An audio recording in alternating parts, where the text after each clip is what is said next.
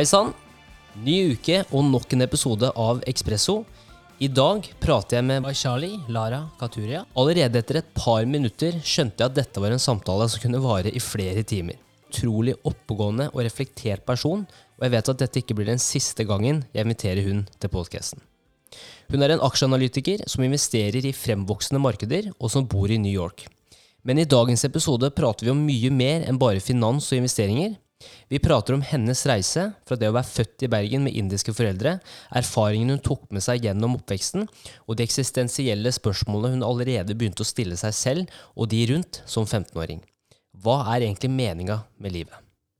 Etter allerede en veldig imponerende karriere diskuterer vi overgangen fra det å bygge CV til det å bygge karakter, hvordan skape en sunn balanse i eget liv, og hvorfor det er viktigere enn noen gang å åpent snakke om mental helse og utfordringer mennesker kjenner på.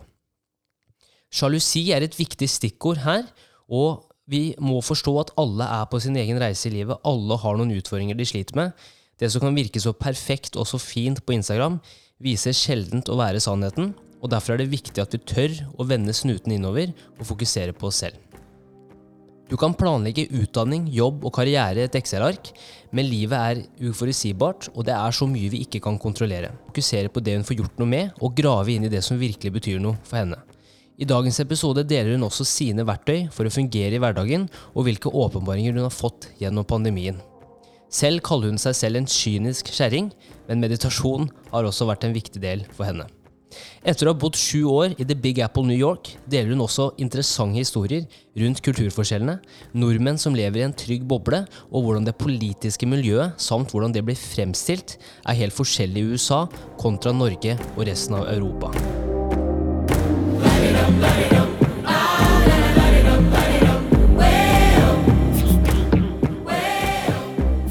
Og der er vi i gang. Hei sann. Hei. Hei, Henrik. Hvordan går det, Waisali? Hvordan går det?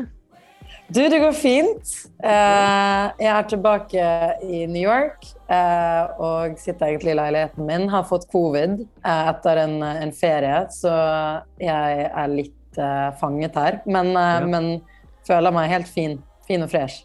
Ja. ja, altså jeg sa jo før vi gikk på luft her at jeg har sett folk som har også hatt covid, som har hatt det mye verre. Så det er bra du har hatt få med symptomer.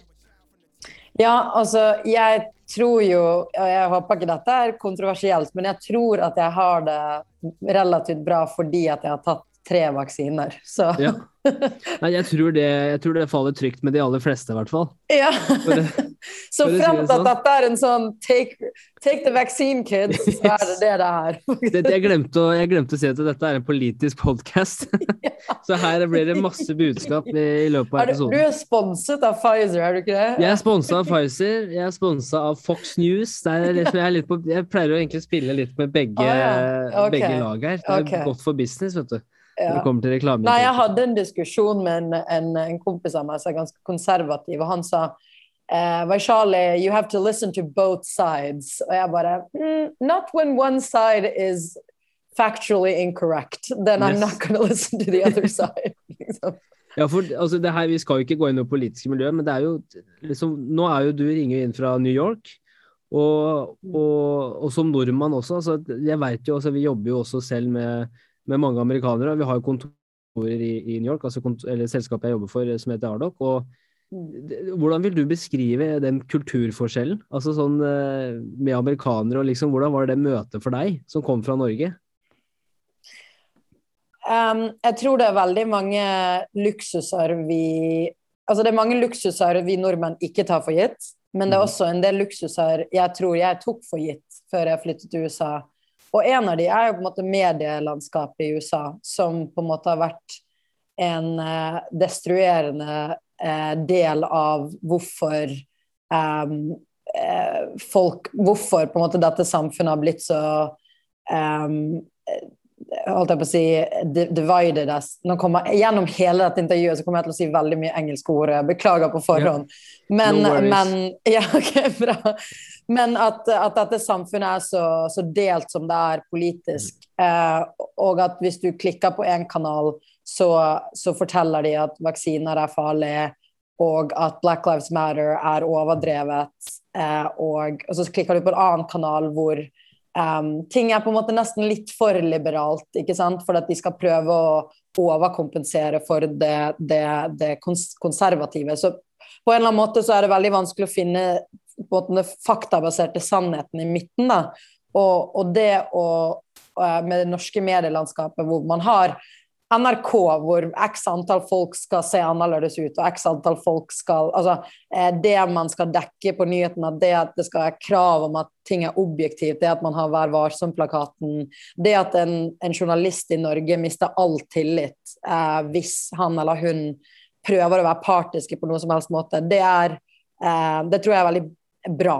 Og det er noe jeg tror jeg tok for gitt eh, i Norge eh, før jeg flyttet til, til, USA og så hvor, hvor, ekstremt det er her, da. Ja. Og i, for eksempel bare sånn i januar i fjor, da når altså, de storma Kongressen også, så er det, det, det er veldig fascinerende når man kommer fra, fra, utsiden på en måte, og man ser ting, hvordan ting blir rapportert på, og hvordan ting blir fremstilt. da. Mm. Uh, men, men, i USA, som du sier, da, så har man, man har liksom veldig tydelige uh, retninger fra de ulike altså, nyhetsstedene også. da. Og hvordan, hvordan er det? Sånn, hvordan Nei, er det liksom altså, å være altså, jeg tror jo altså, Veldig mange av de som stormet uh, Kongressen, var jo liksom gammeldagse galninger. Men så har jo du veldig mange som stormet Kongressen fordi at de virkelig trodde at eh, valget var rigget. Altså, det er noe de genuint tror, basert på den mediedekningen som de ser og hører på, og, og, og det miljøet de er i. Så, så, De anså sikkert seg selv som patrioter, ikke sant? for at de, de gjør noe. Og, og, det vil jeg jo si sant? I Norge, hvis vi genuint hadde trodd at, uh, at valget vi hadde var stjålet, så hadde jo vi også gjort noe med det. ikke sant? Ja, det... Eller gått i protest. ikke sant? Kanskje ikke vært så ekstreme, men, men, men de trodde jo at de bare gjorde noe som de, de måtte gjøre, for det var ingen annen utvei. Um, ja. Så, eh, men, men, det er ganske sånn Jeg tror eh, jeg, jeg, liksom, jeg tror Igjen, jeg tror jeg alltid har overvurdert det amerikanske samfunnet. Og så når jeg har flyttet hit, så har jeg tenkt ok, dette samfunnet er veldig segregert. Det er veldig systematisk rasistisk. Det er veldig lite mobilitet eh, oppover i, i, dette samfunnet, og på veldig mange måter. Og jeg vet at det er en veldig sånn ekstrem mening, men jeg har bodd der snart i åtte år, og jeg vil si at ja. det er um, Det er veldig ikke-vestlig på veldig mange måter. Og jeg tror som nordmenn vi har et veldig sånn glorifisert bilde av USA, da, basert på hva vi ser på TV-serier, og hva vi med all den popkulturen vi på en måte kjenner til. Men at vi egentlig ikke kjenner til den, den dynamikken og de på en måte forskjellene og utfordringene dette samfunnet har, Um, sammenlignet med bare Vest-Europa, da, og hvor forskjellig egentlig USA er fra, fra Vest-Europa, til og med. Ja. ja. man hører jo om den amerikanske drømmen, og man hører om tech-selskapene og, og, rikdom og det ene og andre, men det er jo ikke det som er standarden. Det er jo, som du sier, veldig store forskjeller, da, og det er jo og, Men det var jo også sånn jeg prata med en, en, eh, bekjent her om dagen som på en måte Han er fra, fra Mexico, mm. um, men så har han på en måte reist rundt om i verden og bodd i Tyskland i mange år. og og så flytta han til New York, da. Uh, og så fortalte han også at etter hvert, så, eller med en gang du kommer til New York, så merker du at alle er liksom på vei mot noe. Alle er liksom veldig målretta. Liksom, de må stresse seg. Er, nå skal du gjøre ting da, hvis du går i gatene og sånn. Mm. Og så fortalte han at etter hvert så blir du på en måte litt sånn uh, uh, Hva heter det? Altså, du blir litt sånn altså, nummet av alt som skjer. At blir bare, det blir bare vanlig etter hvert. Da. Og som eksempel det med at Uh, I begynnelsen så går du gatelangs, og så kommer du borti noen, og så er det sånn Oi, sorry, sorry, beklager. Men etter hvert så blir det sånn Nei, jeg skal Jeg blir også en av de, da. Hvordan var det for deg, altså de, de, de første dagene når du kom til New York første gangen? Jeg husker et tidspunkt veldig sånn tydelig, og det var når jeg Um, for jeg kom jo hit som student, jeg tok mastergrad på Columbia. Og det å være student, spesielt på en skole som Columbia, da er du på en måte i en slags boble. Altså Generelt er man i en boble når man er i New York, for man bor ikke i Amerika, man bor i New York. ikke sant? Mm. Um, men så er man liksom en tilleggsboble med at man går på en skole hvor det er en veldig internasjonalt miljø, men også de amerikanerne du møter, er veldig internasjonale av seg, og de er ofte veldig privilegerte og veldig bereiste og utdannede. Um, så, så, da følte jeg ikke det var en så stor på en måte endring. Men, men jeg husker da jeg liksom, det virkelig slo meg at nå bor jeg i USA, var nok Eller nå er jeg på en måte eh, liksom en New Yorker. var um, Jeg hadde mitt første internship i Clinton Foundation, og det var det kontoret lå, eller ligger i Midtown, Manhattan.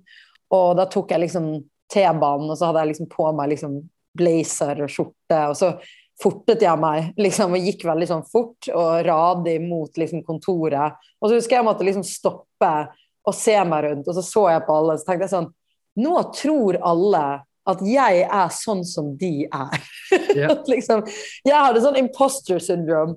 At liksom mm. Jeg er ikke en sånn karrieredame, men så var jeg jo det også. Men så følte jeg meg som sånn imposter. sånn jeg er sånn som alle disse folkene her. Yes. liksom. Og det var veldig stas. Eh, og, av og til prøver jeg å minne meg selv på det fortsatt, når jeg er på en måte på mm. vei til jobb og er den der irriterte New Yorkeren som bare Do you have altså jeg prøver, liksom, jeg blir irritert over turister i Midtown. Sånn, det er ikke noe å se her. Hvorfor er dere her? Gå fortere. Og så blir jeg sånn ha-ha-ha. Ironien, sånn? Ja, ironien, liksom. Ja. Men hvordan sånn, altså i forhold til at vi vet jo det med, med Norge, og så har vi, vi har jo mange fordeler med å være ansatt i Norge, f.eks. Altså med, med mm. sikkerhet som, som ansatt. og og bare det å få sparken i Norge, det er jo et oppdrag i seg selv. altså Det må jo, gå, det må jo ha oppfølgingsplan, og så kan det gå åtte til tolv måneder. Mens i USA så er det jo bare sånn på dagen, på en måte. Så, ja. så hvordan er det også? Er det, for at det er igjen det er veldig lett fra utsida bare tenke at ok, det er sånn man behandler ansatte. men hva er liksom din opplevelse av, av det, da? Um, jeg vil si jeg er heldig i, i, det, i, den forstand at jeg ikke har Jeg har ikke søkt jobber hvor det er på en måte Ja, det er en mulighet, og muligheten alltid er der, men det er ikke noe man nødvendigvis um, Jeg har ikke sett det skje, på en måte, utenfor TV-serier. Men, men det jeg kan si som er fascinerende, er jo at eh, jobber du i finans i privat sektor i USA, eh, så er du på en måte alltid noens hvis jeg får lov å liksom si et, eh, et, et, eh, et, vondt ord, men you're someone's bitch, liksom. Altså, yes. Det er alltid en eller annen fyr, vanligvis en mann, da, som liksom Hans mening om deg, eller hans persepsjon av hva hvordan verden er akkurat nå, det er det som He calls the shots, ikke sant? Yeah. Mens i Norge så er jo ofte avgjørelser mye mer demokratiserte.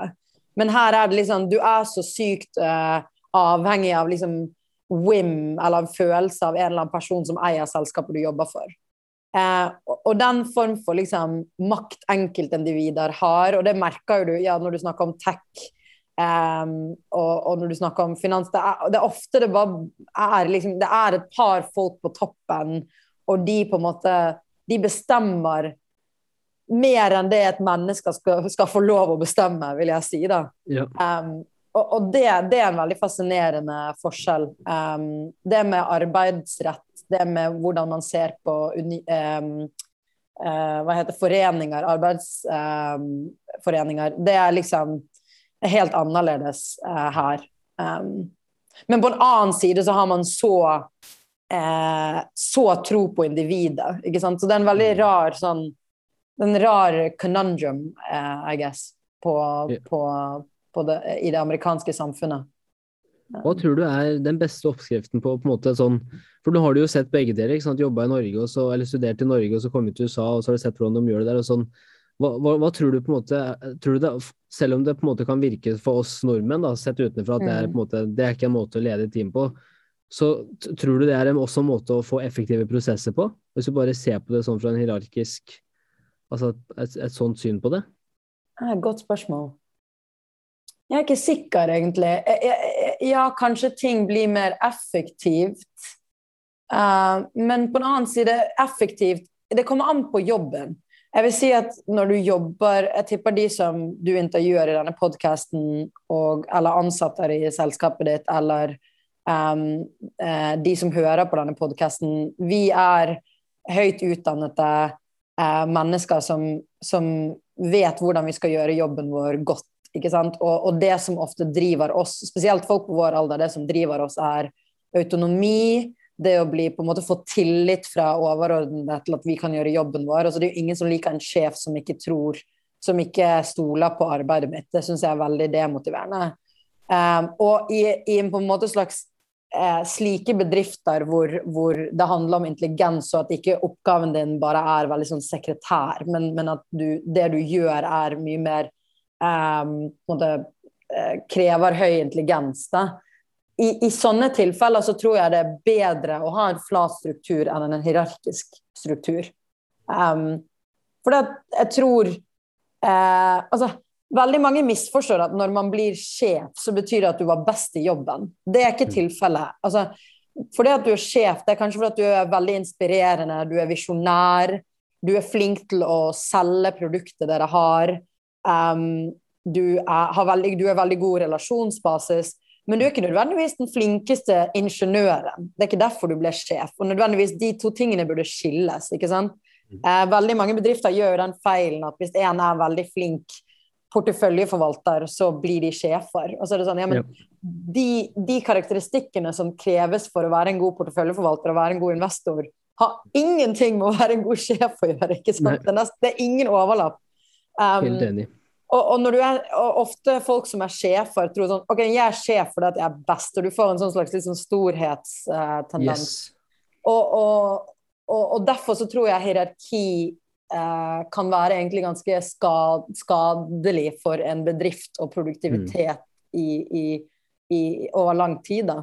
Så, ja. så nei, jeg, jeg, tror jeg støtter flat struktur um, ganske mye. Ja. Og det ser du med nye startups um, som, som, starter. Alle starter jo med flat struktur. Og det er jo fordi at ok, hvis vi skulle startet et selskap fra scratch i dag, hva er det som vi ser funker empirisk, og hva er det som ikke funker. Og så er det jo ofte at mm. konklusjonen er at flat struktur funker så lenge man gjør det på en, på en ryddig måte, da, at, det mm. blir, at det ikke blir kaos. For jeg tror en ting som nordmenn er veldig opptatt av, det er jo konsensussøkende.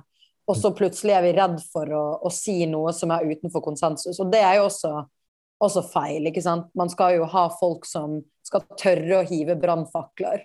Um, ja. jeg, jeg, vet at hvis jeg blir sjef en dag, så kommer jeg til å digge å ha folk som sier Varsali, jeg, jeg, har lyst til å utfordre deg på det du sa nå, eller jeg mm. utfordrer deg på den prosessen vi har her. Jeg tror det er de, det er de som driver verden framover. Ikke sant? Ja. Og det er da du får det beste, beste resultatet også. Det er, jo, det er, jo, rart hvis du ansetter folk som er smartere enn deg selv, dyktigere enn deg selv, og så skal du fortelle de hva de skal gjøre. Men det er, mm. det er, jeg syns det er et ganske morsomt eksempel, for det er jo litt sånn sånn som verden utvikler seg nå, og, og, i forhold til sosiale medier og det behovet for bekreftelse også. Jeg tenker bare det narsistiske i alle oss har bare blitt større og større og større, og vi har behov for å føle at vi har innflytelse. Og, og det med makt, da, og makt kan jo være mye annet enn bare penger i dag. Det kan jo være sosial, sånn som på sosiale medier. Og, men hva tror du Hvordan kan man dyrke gode ledere? bare sånn i forhold til at, jeg, Sånn som vi f.eks. i, i Jarlok, da, måten vi vi jobber på, er veldig sånn at man må på en måte distansere seg selv fra handlingene man gjør, sånn at man kan prøve å se på det mer, obje mer objektivt, da, etterkant, mm. sånn at man ikke gjør de samme feilene, eller man kan forbedre ting mm. etterpå. Uh, og veldig ofte så er den største hindringa, i hvert fall min erfaring, i forhold til at veldig mange har vondt for å snakke om de negative sidene sine, eller snakke om de svakhetene sine, for at man er redd for at det betyr OK, hvis jeg snakker om svakhetene mine nå, så viser det at jeg ikke er god i alt det jeg skal være god til. Mm. Det handler sikkert om den tilliten man får fra lederen nå, eller den tilliten lederen viser. Men har det mm. vært noen eksempler eller liksom, vært noen erfaringer fra din side hvor du har hatt ledere som har gitt deg den autonomien, at å faktisk fungerer og ta de valgene? Jeg tror det som jeg syns er veldig viktig for unge arbeidstakere å huske på, det er at du blir ikke ansatt Uh, i, en, i, hvert fall i den på en måte Igjen, nå snakker jeg selvfølgelig om type industrier vi er i, hvor, hvor, hvor du har på en måte intelligente, utdannede veldig oppegående mennesker. Um, du blir ikke ansatt altså Hvis du har ansatt folk, og når jeg ansatte de, Nå har ikke jeg vært med i veldig mange ansettelsesprosesser, men jeg har ansatt veldig mange interns, ikke sant? altså traineer som er her kanskje et halvt år av gangen. Og, og, og det som, det som er fellestrekket for eh, de vi ender opp med å ansette, er en villighet til å lære. En, en, motivasjon, en drivkraft. Jeg pleier ofte å stille spørsmålet Hvorfor vil du jobbe i finans? Hvorfor vil du jobbe med investeringer? Hva slags samfunnsrolle tror du investorer har? Eh, hvordan kan du forbedre den eh, industrien? ikke sant? For det er det jeg egentlig, og jeg mener ikke at jeg ser etter liksom et perfekt svar. ikke sant? Her er en eller annen 20 år gammel fyr som bare eh. Men, men det, det, jeg ser etter, er en form for drivkraft til at han tenker, han eller hun tenker større enn sin rolle hva han eller hun har lyst til å opprette. Men hvis jeg begynner å jobbe i denne industrien, hva, hvordan har jeg lyst til å være en del av at den industrien går framover og utvikler seg og er en del av en løsning osv. Prøve å sjekke liksom, hva er det som er motivasjonen, og hvor sulten er denne personen til å lære. Og basically, det er alt du trenger. Altså, ja, du trenger å være smart, og ja, du trenger å kunne liksom, tall og, og ha, en, liksom, ha en viss bakgrunn akademisk, ikke sant, og ha kanskje noe eh, erfaring fra jobb.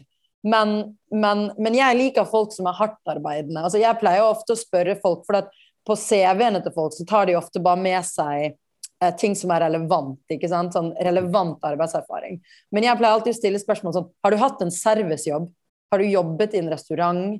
Har du jobbet i en klesbutikk? Har du jobbet som, i, på sånn sykehjem som sånn hjelp om sommeren? Hjelpepleier? Eh, OK, da, da, vet du hva hardt arbeid er. For det er ganske mm. hardt arbeid, og det er underbetalt hardt arbeid. Um, og, og, og det, det, gir et slag i trynet, og det, som jeg tror er sunt for folk. Og jeg tror i hvert fall i, i, i Norge, når vi, vi, er, vi, har den luksusen med at vi kan bare fokusere på liksom, den øverste, øverste nivået av Maslows behovspyramide. Yes. At det er viktig at mm vi, vi, forstår at vi bare er en del av et tannhjul. Jeg tror det er veldig veldig viktig. Og det, det vil jeg si at veldig mange amerikanere forstår. For ja. virkeligheten i verden er mye mer tydelig i USA enn den er, og i hvert fall i New York, ja. um, enn den er i, når du går ned gaten i Oslo. Ja. Um, så, vi, lever jo, vi lever jo i en boble. Eller sånn ja, i Norge, vi lever i en skikkelig boble. Ja, jeg, men, jeg, men, jeg, tror Jeg syns det er et veldig viktig poeng at, at jeg tror for, for, folk som søker jobb. Altså, gå inn og tenk her er jeg, er villig til å lære. Jeg, hvis jeg ikke kan noe, så, så skal jeg lære det. Og, og, det er lov å si 'jeg vet ikke' hvis du får et svar. Ikke prøv å liksom, finne på et svar, for det er veldig tydelig når folk Veldig gjør, tydelig. Veldig jeg tror det å, lære, det å lære å si 'jeg vet ikke', eh, mm. gi, gi, meg en dag, og så kanskje sende en oppfølgingsmail og si sånn 'Du, jeg leste litt om det her. Dette er mine tanker. Takk for intervjuet i går.' Ikke sant? Det, en, mm. det liker jeg. Og, og, det jeg merker faktisk, er jo at de menneskene Nå har jeg hatt gleden av å på en måte være på foredrag og forelesninger av, med folk som er utrolig imponerende mennesker i verden. ikke sant? Og, og, de menneskene som har imponert meg mest, er de som, hvis de har fått et spørsmål fra salen, at de har bare sagt sånn I don't actually know. Liksom, altså, jeg syns det har vært så sykt befriende å høre. Yes. Yeah. I don't know, liksom. Helt enig. Det er, for meg det er en ting jeg setter veldig høyt i forhold til de folka vi får jobbe med også, er Viser du evne til å kunne håndtere at du tar feil? Mm. Viser du evne til å kunne vise at Ok, det visste jeg ikke. Ok, da tar jeg det til meg, og så gjør jeg, noe, gjør jeg det bedre neste gang. For det tenker jeg er enda større egenskap og viktigere egenskap nå enn å bare si eh, på en måte 'fake it to make it', da, som de sier i USA, ja. da tror vi her i Norge i hvert fall. Mm. Ikke sant? Og, um, men det er litt sånn jeg hadde, sånn som I forrige episode så prata jeg med en som heter Thomas, og vi bare prata om uh, litt i forhold til hva ville du lært på skolen hvis du skulle valgt noe. Og det er akkurat det du mm. sier der, i forhold til det å kunne tenke kritisk, og da ikke bare på en måte det politiske miljøet og samfunnet, men også innover. Da, at du faktisk kan mm. være mer kritisk til deg selv uten at det skal bli en uh, altså, Pardon my French, da, men en psykisk lidelse, på en måte. At du kunne, faktisk kunne sette deg ned og så er jeg faktisk flink til det der? Sliter jeg med det ene, altså den egenskapen her? Kan jeg utvikle den? Og, og mm. sånne type ting. Men Sånn som du, da, når du har sett gjennom eh, skolesystemet i Norge og i USA, og mm. på en måte, hva mener du vi burde lære på uh, både høyere utdanning, men også altså, fra barneskolen, som vi ikke gjør i dag? Mm. Uh, på barneskolen uh, så vil jeg faktisk si jeg, jeg, er veldig glad i det norske skolesystemet. Jeg tror en av de tingene igjen en av de tingene jeg tror jeg undervurderte, som jeg nå i retrospekt har satt veldig pris på i Norge, er at vi har et offentlig skolesystem hvor vi har eksponering for mennesker. Hvis vi bor i Jeg bodde jo i Bergen, hvor du har eksponering fra folk fra forskjellige bakgrunn. Eh, spesielt på en måte forskjellige klasser. Altså sånn du får altså klasse, altså Nordmenn syns det er veldig ubehagelig å snakke om at vi har et klassesamfunn, men alle samfunn har klassesamfunn. Altså det er, det er rike og fattige mennesker i Norge òg. Det er de som har hytte, det er de som har råd til snowboard, og det er de som ikke har det og bor i, i, er på trygd. Altså det, mm. den, den, eksponeringen du får både horisontalt, med at du har mennesker som ser annerledes eller eh, liksom har en annen legning eller annen måte, Eh, religion eller hudfarge, men også vertikal um, Spesielt vertikal uh, diversitet i Norge, med at når du går på offentlig skole som er gratis, så, så blir du eksponert for Altså, jeg hadde en venninne som hadde en uh, veldig rik far, og så hadde jeg en, en kompis som, som, var på trygd, ikke sant. Mm. Og, og vi tenkte aldri over det, og det syns jeg er en veldig fin ting. Altså, Uh, ja, vi hang kanskje mer hos hun venninnen som hadde badebasseng ikke sant? og hadde ja. hage. Og vi hang ikke så mye i den lille leiligheten til han andre kompisen, men, men utover å føle synd på han eller være misunnelig på henne, det var det overhodet ikke. Det var liksom. Fordi at vi visste innerst inne, og kanskje ikke dette var noe jeg var bevisst på, men jeg som i ettertid har blitt bevisst på, er at jeg tror ikke jeg tenkte over det fordi at jeg visste at mulighetene mine var helt like som begge de to andre. Ikke sant? Ja, det, hadde ingenting å si. ikke sant? Mm. Så så det tror jeg er viktig i Norge.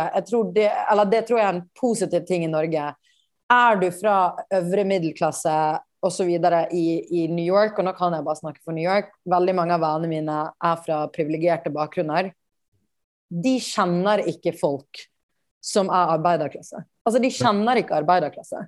Ikke sant? Og det er Hvordan er sånn, de samtalene? Eller sånn, Nei, altså, sånn, de er jo, ja. de er jo altså, Jeg har jo ikke venner som er ignorante, for da har det ikke vært vennene mine.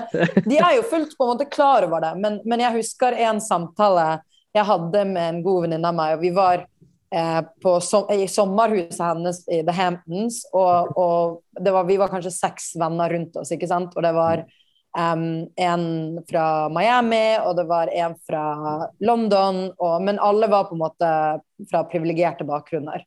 Uh, og jeg husker jeg hadde en, en, norsk kompis som også gikk på Colombia med meg, og jeg sa den eneste grunnen til at vi sitter i denne konteksten, er fordi at vi er norske. Altså Det har ingenting å si økonomisk bakgrunn. fordi at vi hadde Lånekassen, vi hadde stipender vi kunne søke for å komme inn på, komme inn på denne skolen. Da, og Derfor har vi disse vennene her.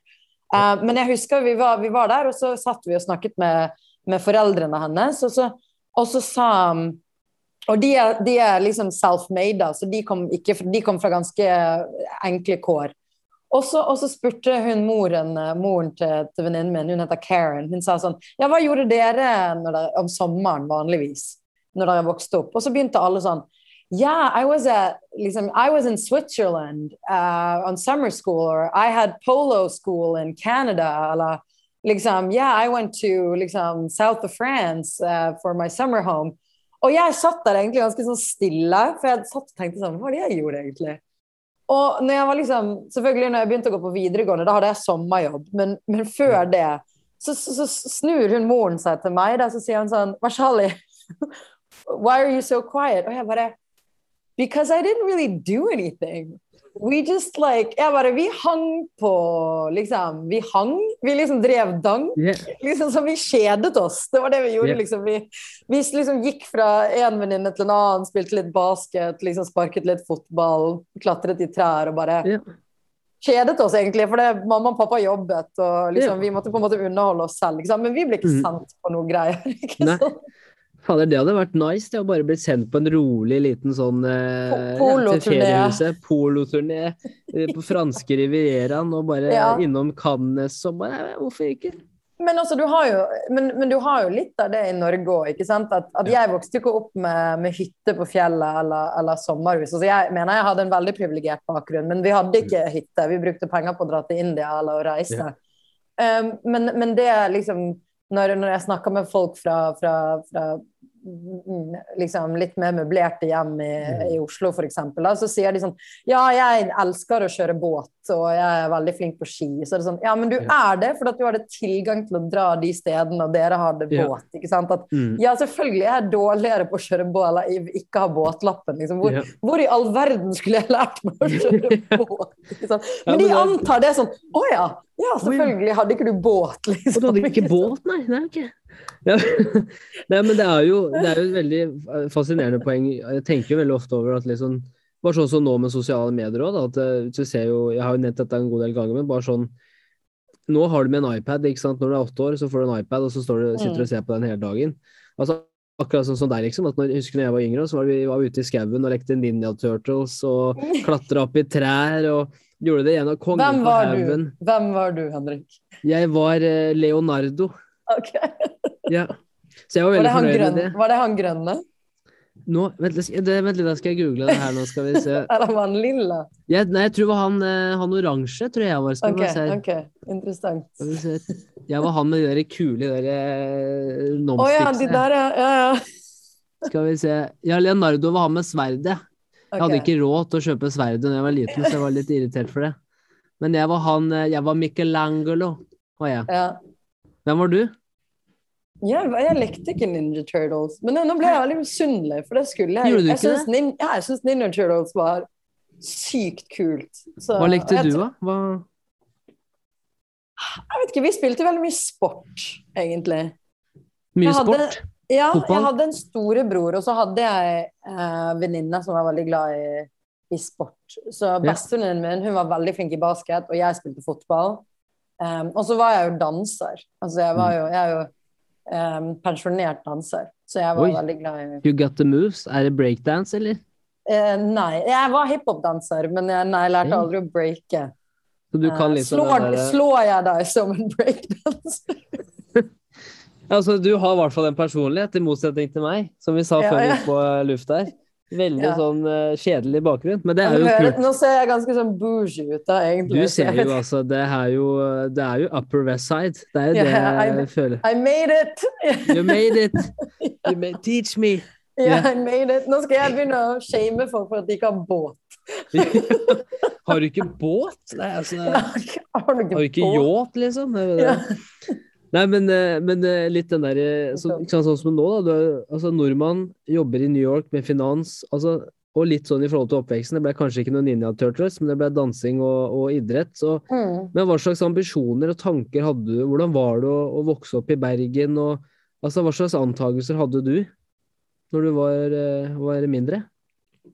Jeg tror en ting jeg er veldig takknemlig for, og, og det har jeg snakket veldig mye om eh, i andre intervjuer òg, men, men det å, å ha eh, indiske foreldre. Men ikke bare det. Jeg tror de, det de var veldig flinke med, var å oppfordre oss til å reise. Og så dro vi til India hvert år. Um, og da dro vi til New, Delhi. Så, så jeg var veldig Jeg ble på en måte en storbyjente selv om jeg vokste opp i Bergen. da. Um, og da ekspanderer egentlig vinduet for muligheter. Det blir veldig bredt, for at du ser på en måte hvor stor verden egentlig er. Um, og det er jeg veldig takknemlig for, for jeg tror ja, folk, folk spurte sånn når, når var det ambisjonsnivået ditt begynte å tikke inn? Altså bare med en gang, egentlig. Jeg, jeg, liksom, jeg, jeg er mer Jeg syns det er pussig når folk ikke har et ambisjonsnivå. For det er sånn Men vi har jo bare ett liv, og vi er fra Norge hvor alt er gratis, liksom. Hva, Ja. hva, liksom, hva en, ellers skal du gjøre? Og, og jeg merket jo den forskjellen Altså, jeg kommer fra en ekstremt ambisiøs venninnegjeng. Um, og det har jeg vært veldig glad for. Jeg tror man ikke skal undervurdere hvor mye venner har og påvirker deg i forhold til ambisjoner. At, at jeg gikk på en videregående og en ungdomsskole hvor det å ha gode karakterer, det var kult. Altså, da var du fet, liksom. Så de populære kidsa, de hadde gode karakterer. Jeg tror det er veldig, veldig viktig. Um, for da er du liksom stolt av at du fikk uh, seksere, ikke sant. Men, uh, men, men, jeg husker jo når jeg var um, 15, så, så husker jeg at jeg var sånn Det må jo være mer til livet enn bare dette her. Altså En 15-åring driver og liksom tenker sånn som det her, da. Og, og, da var jeg sånn, da var jeg veldig aktiv danser. Um, og, og, visste ikke helt om jeg skulle bli profesjonell, men, men dansing var en stor del av livet mitt. da. Uh, og så um, merket jeg Eller en ting jeg på en måte bet meg merke i, var at jeg var danselærer. Altså jeg ble danselærer i en veldig ung alder. Um, fordi at jeg var veldig flink. Og den danseskolen, det var egentlig bare én eller to danseskoler. Egentlig var primært én danseskole i Bergen, så det var litt av et monopol. Og det var veldig dyrt å gå på, på den danseskolen. Så veldig mange av de kidsa vi så når vi var på konkurranser eller liksom freestyle eller sånn I hiphop-miljøet så er det jo veldig mye sånne på en måte treff, ikke sant, hiphop-treff, hvor folk danser og freestyler. Så jeg husker at jeg tenkte sånn alle de beste danserne her har ikke jeg sett før, for de går ikke på den danseskolen. Og antageligvis fordi de ikke har råd til den. Men disse kidsa hadde sikkert hatt godt av å lære teknikken som vi lærer. ikke sant? Og da gikk jeg til bestevenninnen min, eh, en av bestevenninnene mine, Signe, shout-out. hun, eh, og, og, så sa jeg sånn, og hun danset med meg, og så sa jeg skal vi begynne en danseskole hvor vi ikke tar betalt? At vi bare prøver å få en sponsor og prøver å gjøre det på en ungdomsklubb i sentrum, eh, og ikke tar betalt, eller tar symbolsk betalt for å betale for CD-ene våre eller leie av rom eller noe sånt. Og hun, hun syntes det var en god idé. ikke sant? Så vi, og det var litt fordi at jeg var ambisiøs og tenkte sånn, nå har jeg lyst til å gjøre noe litt sånn kult og ambisiøst, men, men, også var liksom litt grossist. Men, men på en annen side var det også fordi at jeg hadde lyst til å gi muligheter altså jeg var veldig tidlig ute med å forstå at mamma og pappa som innvandrere hadde vært veldig heldige om å få ganske høyt betalte jobber.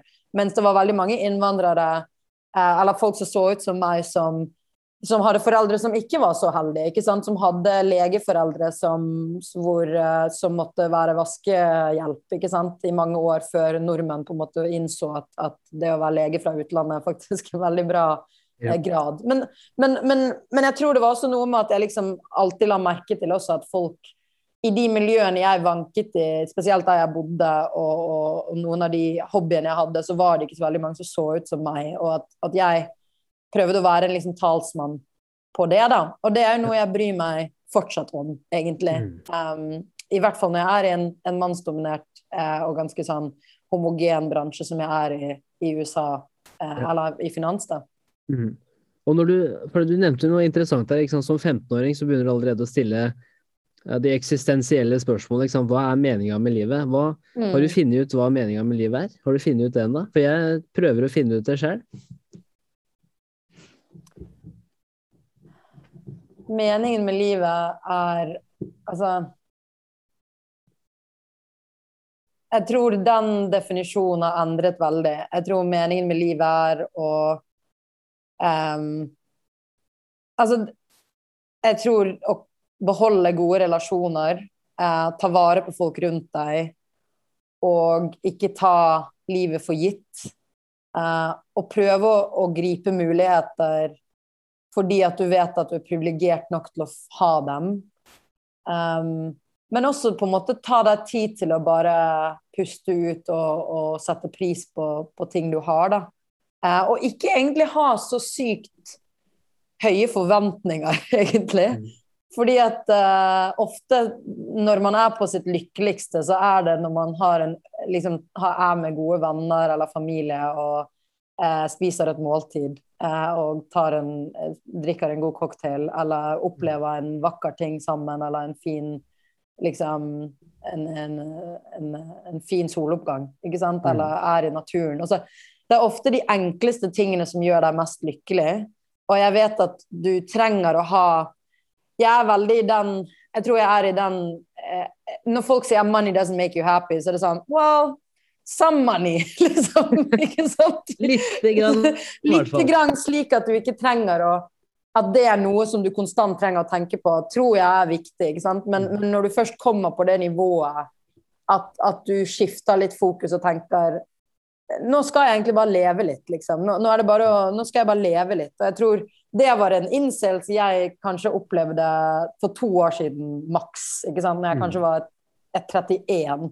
Fordi opp til da så har det vært sånn OK, eh, først skal jeg oppnå det, så oppnår jeg det, og så hvis jeg gjør det, og så hvis jeg får, får det i snitt, så kan jeg komme inn der, og så hvis jeg kommer inn der, kanskje jeg skal lære meg det språket. Ok, men jeg burde få litt mer arbeidserfaring. Ok, Mm. ikke sant? Og så til slutt kommer du på et nivå hvor det er bare sånn Ja, nå Nå skal jeg vel kanskje bare leve, liksom. Ja. Så det blir bare sånn Yes.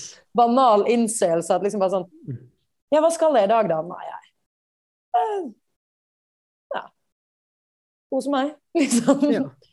Gi tilbake, finne noe Ja, nyte, liksom. Prøve å få så mye impulser som mulig. Um, så de type målene jeg setter nå om dagen, er jo um, eh, En gang i måneden så skal jeg jobbe frivillig, og at det å bare gi penger, det er én ting, som selvfølgelig har verdi, det òg, å gi til veldedighet. Men, men det å get your feet wet og liksom eh, get your hands dirty og, og prøve å finne noe en gang i måneden som jeg gjør, om det er å liksom dele ut mat, eller å liksom stelle en eller annen offentlig park, eller uh, uh, på en måte besøke et eldrehjem, men gjøre noen sånne ting, da.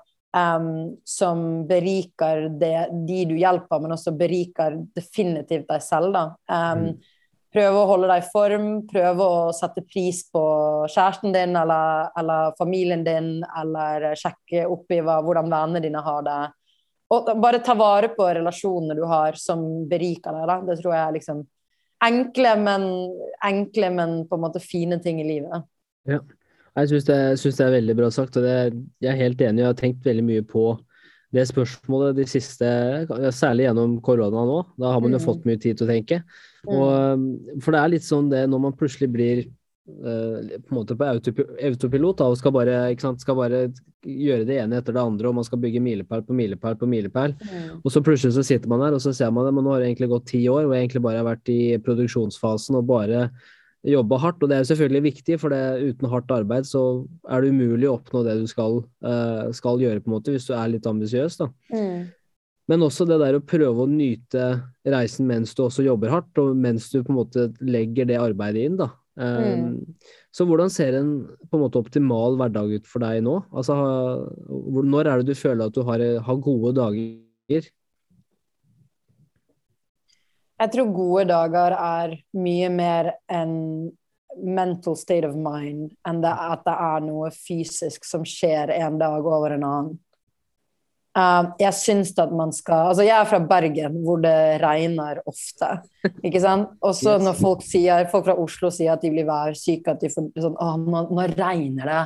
Så er det sånn, ok, men Hvis du skulle vært sånn i Bergen, så har du vært deprimert. ikke sant? Um, så, så jeg syns ikke at det skal være visse ting som må være på plass for at jeg skal si i dag er en god dag. Sånn, ah, solen skinner, ja, da er det en god dag i dag. Eller Ja. eh, bussen kom når den skulle, ja, det er en god dag. Eller favorittpodkasten min er ute, da er det en god dag. Jeg, jeg, jeg syns ikke vi skal ha Jeg syns vi skal skifte den holdningen til at liksom en god dag er noe som bare fins her, da. Eller her. Det er ikke noe Det er ingenting eksternt som skal definere at du har det bra.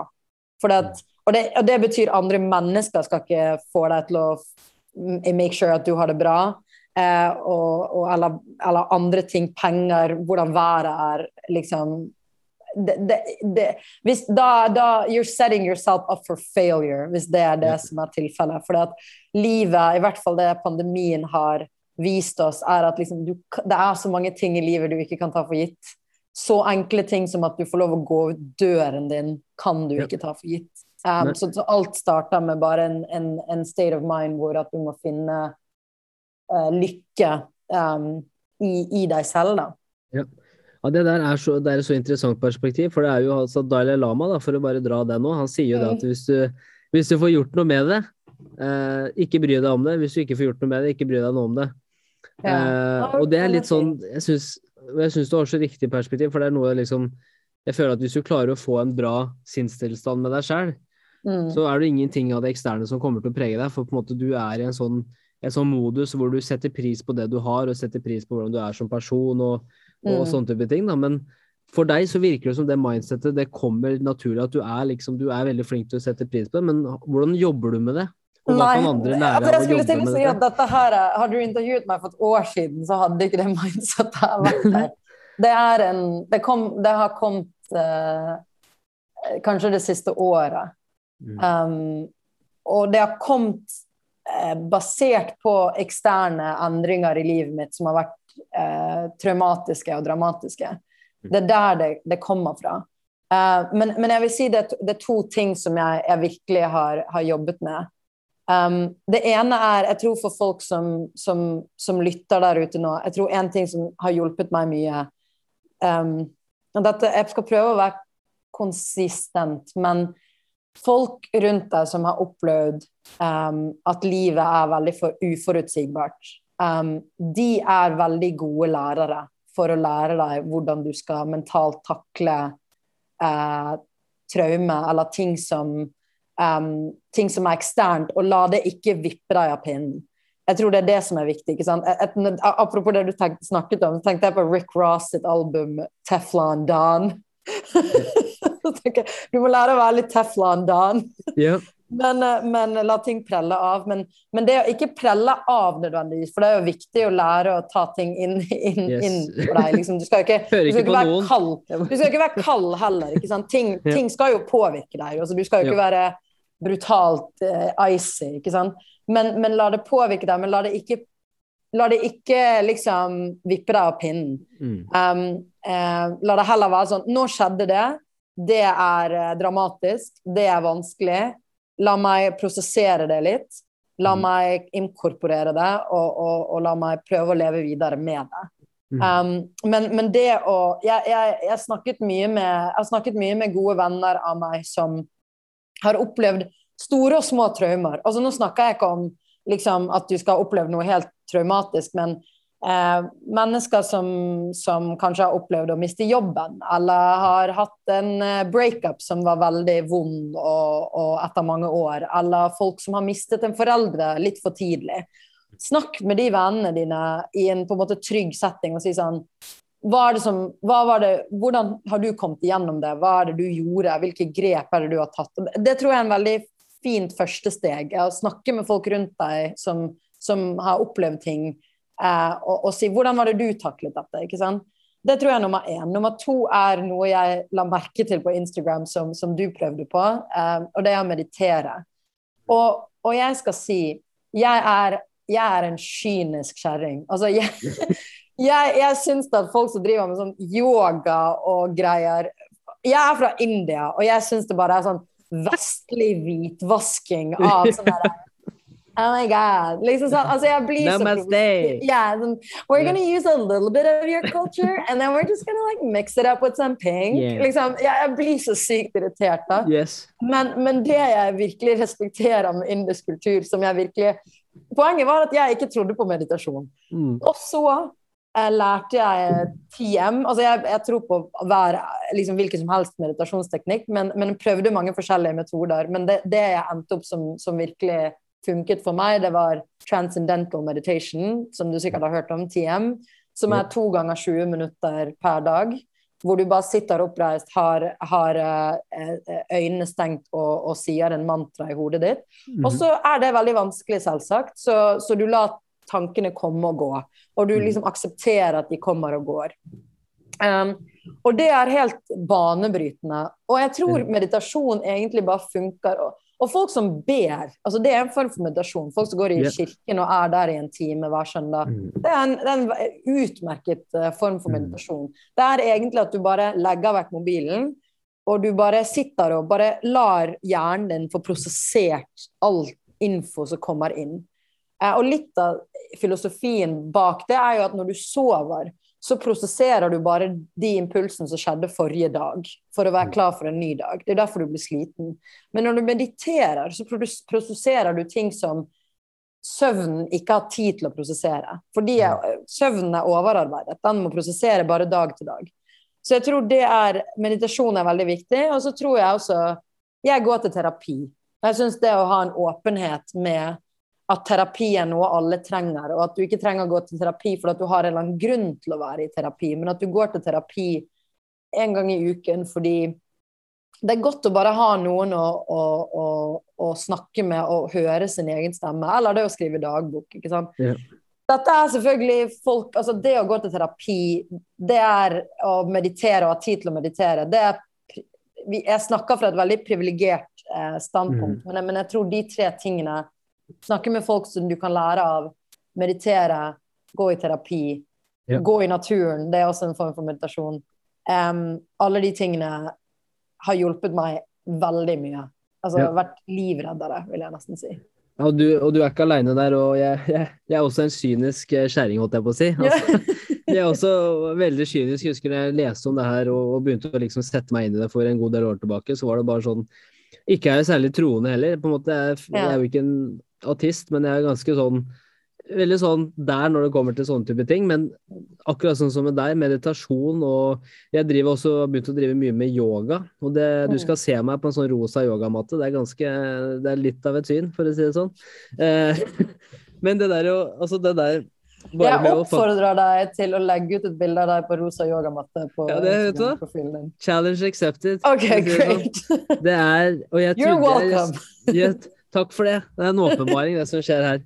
Og, eh, men det er jo Jeg merker at jeg blir, på grunn av yogaen, er mjukere og mjukere. Og det er gøy å se, for jeg er en stiv mann. Altså, det, er, ja. det er mye jeg må jobbe med her. Ja. Men, men, også det med terapi. Altså, jeg Altså, uten å touche for mye på det, men jeg, jeg ut, begynte å gå til terapi da jeg var 13 år. Ja. Og det begynte, okay. begynte, kanskje litt for tidlig, men jeg har gjort det i mange år, altså senere også. Og det er akkurat som du sier, det å skape åpenhet om å kunne prate med noen.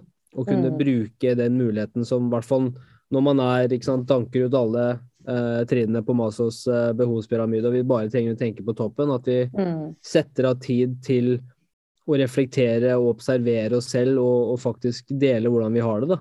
Mm. Um, for det er jo litt sånn, selv om vi er kanskje de mest privilegerte menneskene i verden, så er det ofte korrelert med psykiske problemer. Ja. Og da må man også tenke sant, Ironisk nok. Ironien i det. ikke sant? Altså, jeg mm. gikk en en tur med en kollega her om dagen, og det var akkurat det at vi vi drev og snakka om okay, hva slags utfordringer har vi, og selvfølgelig alle mennesker går gjennom ulike ting i livet, og, og, folk har utfordringer, men så begynte vi å snakke litt om ironien i at ja, vi har så mange muligheter her i, her i Norge, og vi, liksom, vi, har bra karrierer, og vi er på vei steder, og, mm. men fortsatt så er vi ikke fornøyd. Fortsatt så mm. går vi rundt og tenker på at vi skulle hatt det, og vi skulle hatt det og det ene og det andre, og, og sammenligner, ikke sant. Sjalusi, og man begynner å tenke mm. på hva det andre gjør, og jeg burde vært der, for nå er jeg på en viss alder. Og nå burde jeg gjort det, og følge livets regler. Mm.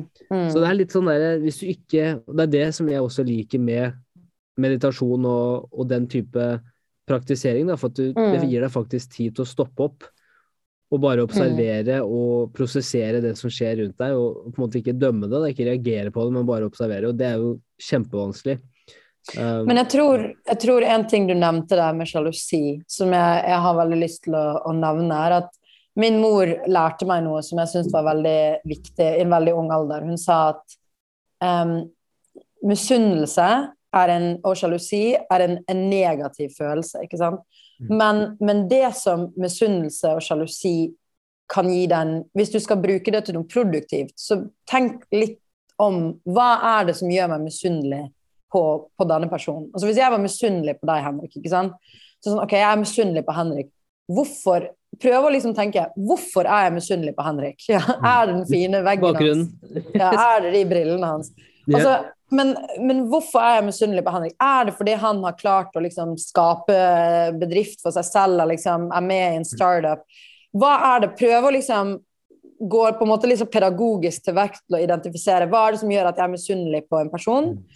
Og, og, hvis det er A, B eller C, hva kan jeg gjøre? Hvilke endringer kan jeg gjøre for å bevege meg i den retningen?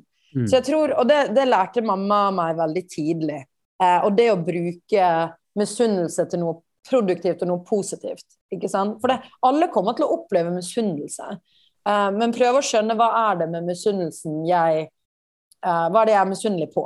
Um, ikke sant? Og hva, hva, slags pekepinn er det det gir meg? Det, det var nummer én. En annen kommentar jeg har lyst til å, å si, er um, en bok som ga meg veldig mye innsikt for mange år siden. Det var en bok, nå har jeg glemt forfattere, men det heter The Empathic Society og at vi har, i hvert fall i vestlig kultur, bygget opp samfunnsstrukturer basert på antagelsen om at mennesket er egosentrisk og self-serving. Men eh, hva denne forfatteren um, argumenterer, og veldig mange uh, psyk psykologer og psykiatere har argumentert, er at det er eh, delvis sant, men, men, det er to sterke drivere innenfor, i mennesket. Én er å, å liksom self-serve, liksom altså e, e, egoet. En annen ting er empati. Men vi som vestlig samfunn har bygget et samfunn bare på premisset på at vi er egoister, og ikke på at vi er empatiske. Så vi nedbygger den delen av, empatiske delen av oss, og så bygger vi opp den egoistiske delen av oss. Jeg tror det å ha i bakhodet at vi egentlig primært sett er like empatiske som vi er egoistiske, det tror jeg er veldig viktig. Eh, og én måte som jeg tror for nordmenn å se det på, er Og jeg vet at liksom man skal ikke fly så mye og man skal ikke reise så mye, men det er å liksom reise steder og oppleve kulturer hvor, hvor empatien eh, er litt høyere. Og det er ofte i land som på en måte er veldig annerledes enn vestlige land. ikke sant? Hvis du er når du er liksom sub-Saharan Africa, eller du er i, i, i, India, i visse områder i India eller i Sør-Amerika altså du, du, opplever mennesker som virkelig tenker helt annerledes enn mm. deg. Og så spør du deg selv hvorfor er jeg så selvopptatt? Jo, for det er det jeg har lært meg å være. For jeg tror at det er det eneste som driver meg. Men det er jo ikke det. Vi er jo ekstremt empatiske. Og når mennesker får sjansen til å gjøre noe for andre, så gjør vi det jo. ikke sant? Vi snakker om at vi har i Norge har vi dugnader. Altså Dugnad er jo noe altså Jeg assosierer dugnad med noe du ikke er keen på å gjøre, men som ja. du, du, gjør. Og så er det sånn Hvorfor gjør jeg det? Yeah. Uh, liksom, jeg syns fotballbanen skal være fin, da. Liksom, yeah. Eller jeg syns liksom ungdomsklubben skal se litt fresh ut, da. Liksom. Mm. ikke sant? Yes. Ja, men det vet du hva, det er, det er altså Man begynner å reflektere litt over altså, For det er også når du ser altså, andre land som ikke er like privilegert som Norge, så i hvert fall min erfaring da, er jo at da virker det som ofte at de er mer givende. altså de er sånn, mm. Akkurat som du sier, da, de har mer fokus på uh, på en måte gruppa i seg selv, da, ikke bare mm. individet. ikke sant? Mm. Tilhørigheten er også veldig viktig og, og sånn. Mm. Um, men nå når du på en måte ser tilbake på, på livet, da, hvis du skulle møtt uh, Vaisali på 15 år, uh, selv om hun var veldig reflektert som 15-åring 15 og begynte å stille eksistensielle spørsmål, da, så Mm. Hva ville du sagt til de, til de, yngre selv, og hva ville på en måte vært noen råd eller noen på refleksjoner som du tror du kunne hatt lurt å ha som, eh, som 15-åring? Um, jeg tror jeg hadde sagt til meg selv uh, det kommer til å gå bra. Ikke sant? Um, bare ta en pust i bakken. Det kommer til å ordne seg. -hmm. um, ikke være opptatt av å tikke bokser. Um, prøv å finne ut av hvilke bokser du vil fokusere på. Mm. Um, og slutt å sammenligne deg med folk. Um, jeg tror Jeg tror de tre tingene ville jeg ha sagt. Yeah. Um, og, det, dette er ting jeg minner meg selv på um, også. Um, altså, jeg pleier av og til å ta liksom, pause fra sosiale medier. fordi at på en måte, ja, jenter på min alder nå har fine bryllup og, og har fått barn, og, og, det er noe jeg ønsker meg. Men akkurat nå så er ikke det, ligger ikke det i kortene for meg akkurat nå. Um, og da må jeg på en måte slå meg til ro med det. Og liksom mørke, de mørke tankene kommer jo ofte opp og sånn Å, herregud. Eh, å, jeg, liksom, jeg, har, jeg liksom har ikke de tingene, ikke sant. Og så, og så, lar du dem du, også, du må ikke være redd for mørke tanker heller, ikke sant? men du lar dem komme, og så lar du dem gå igjen. ikke sant? Ja. Du må bare la dem, liksom, du må bare prosessere dem.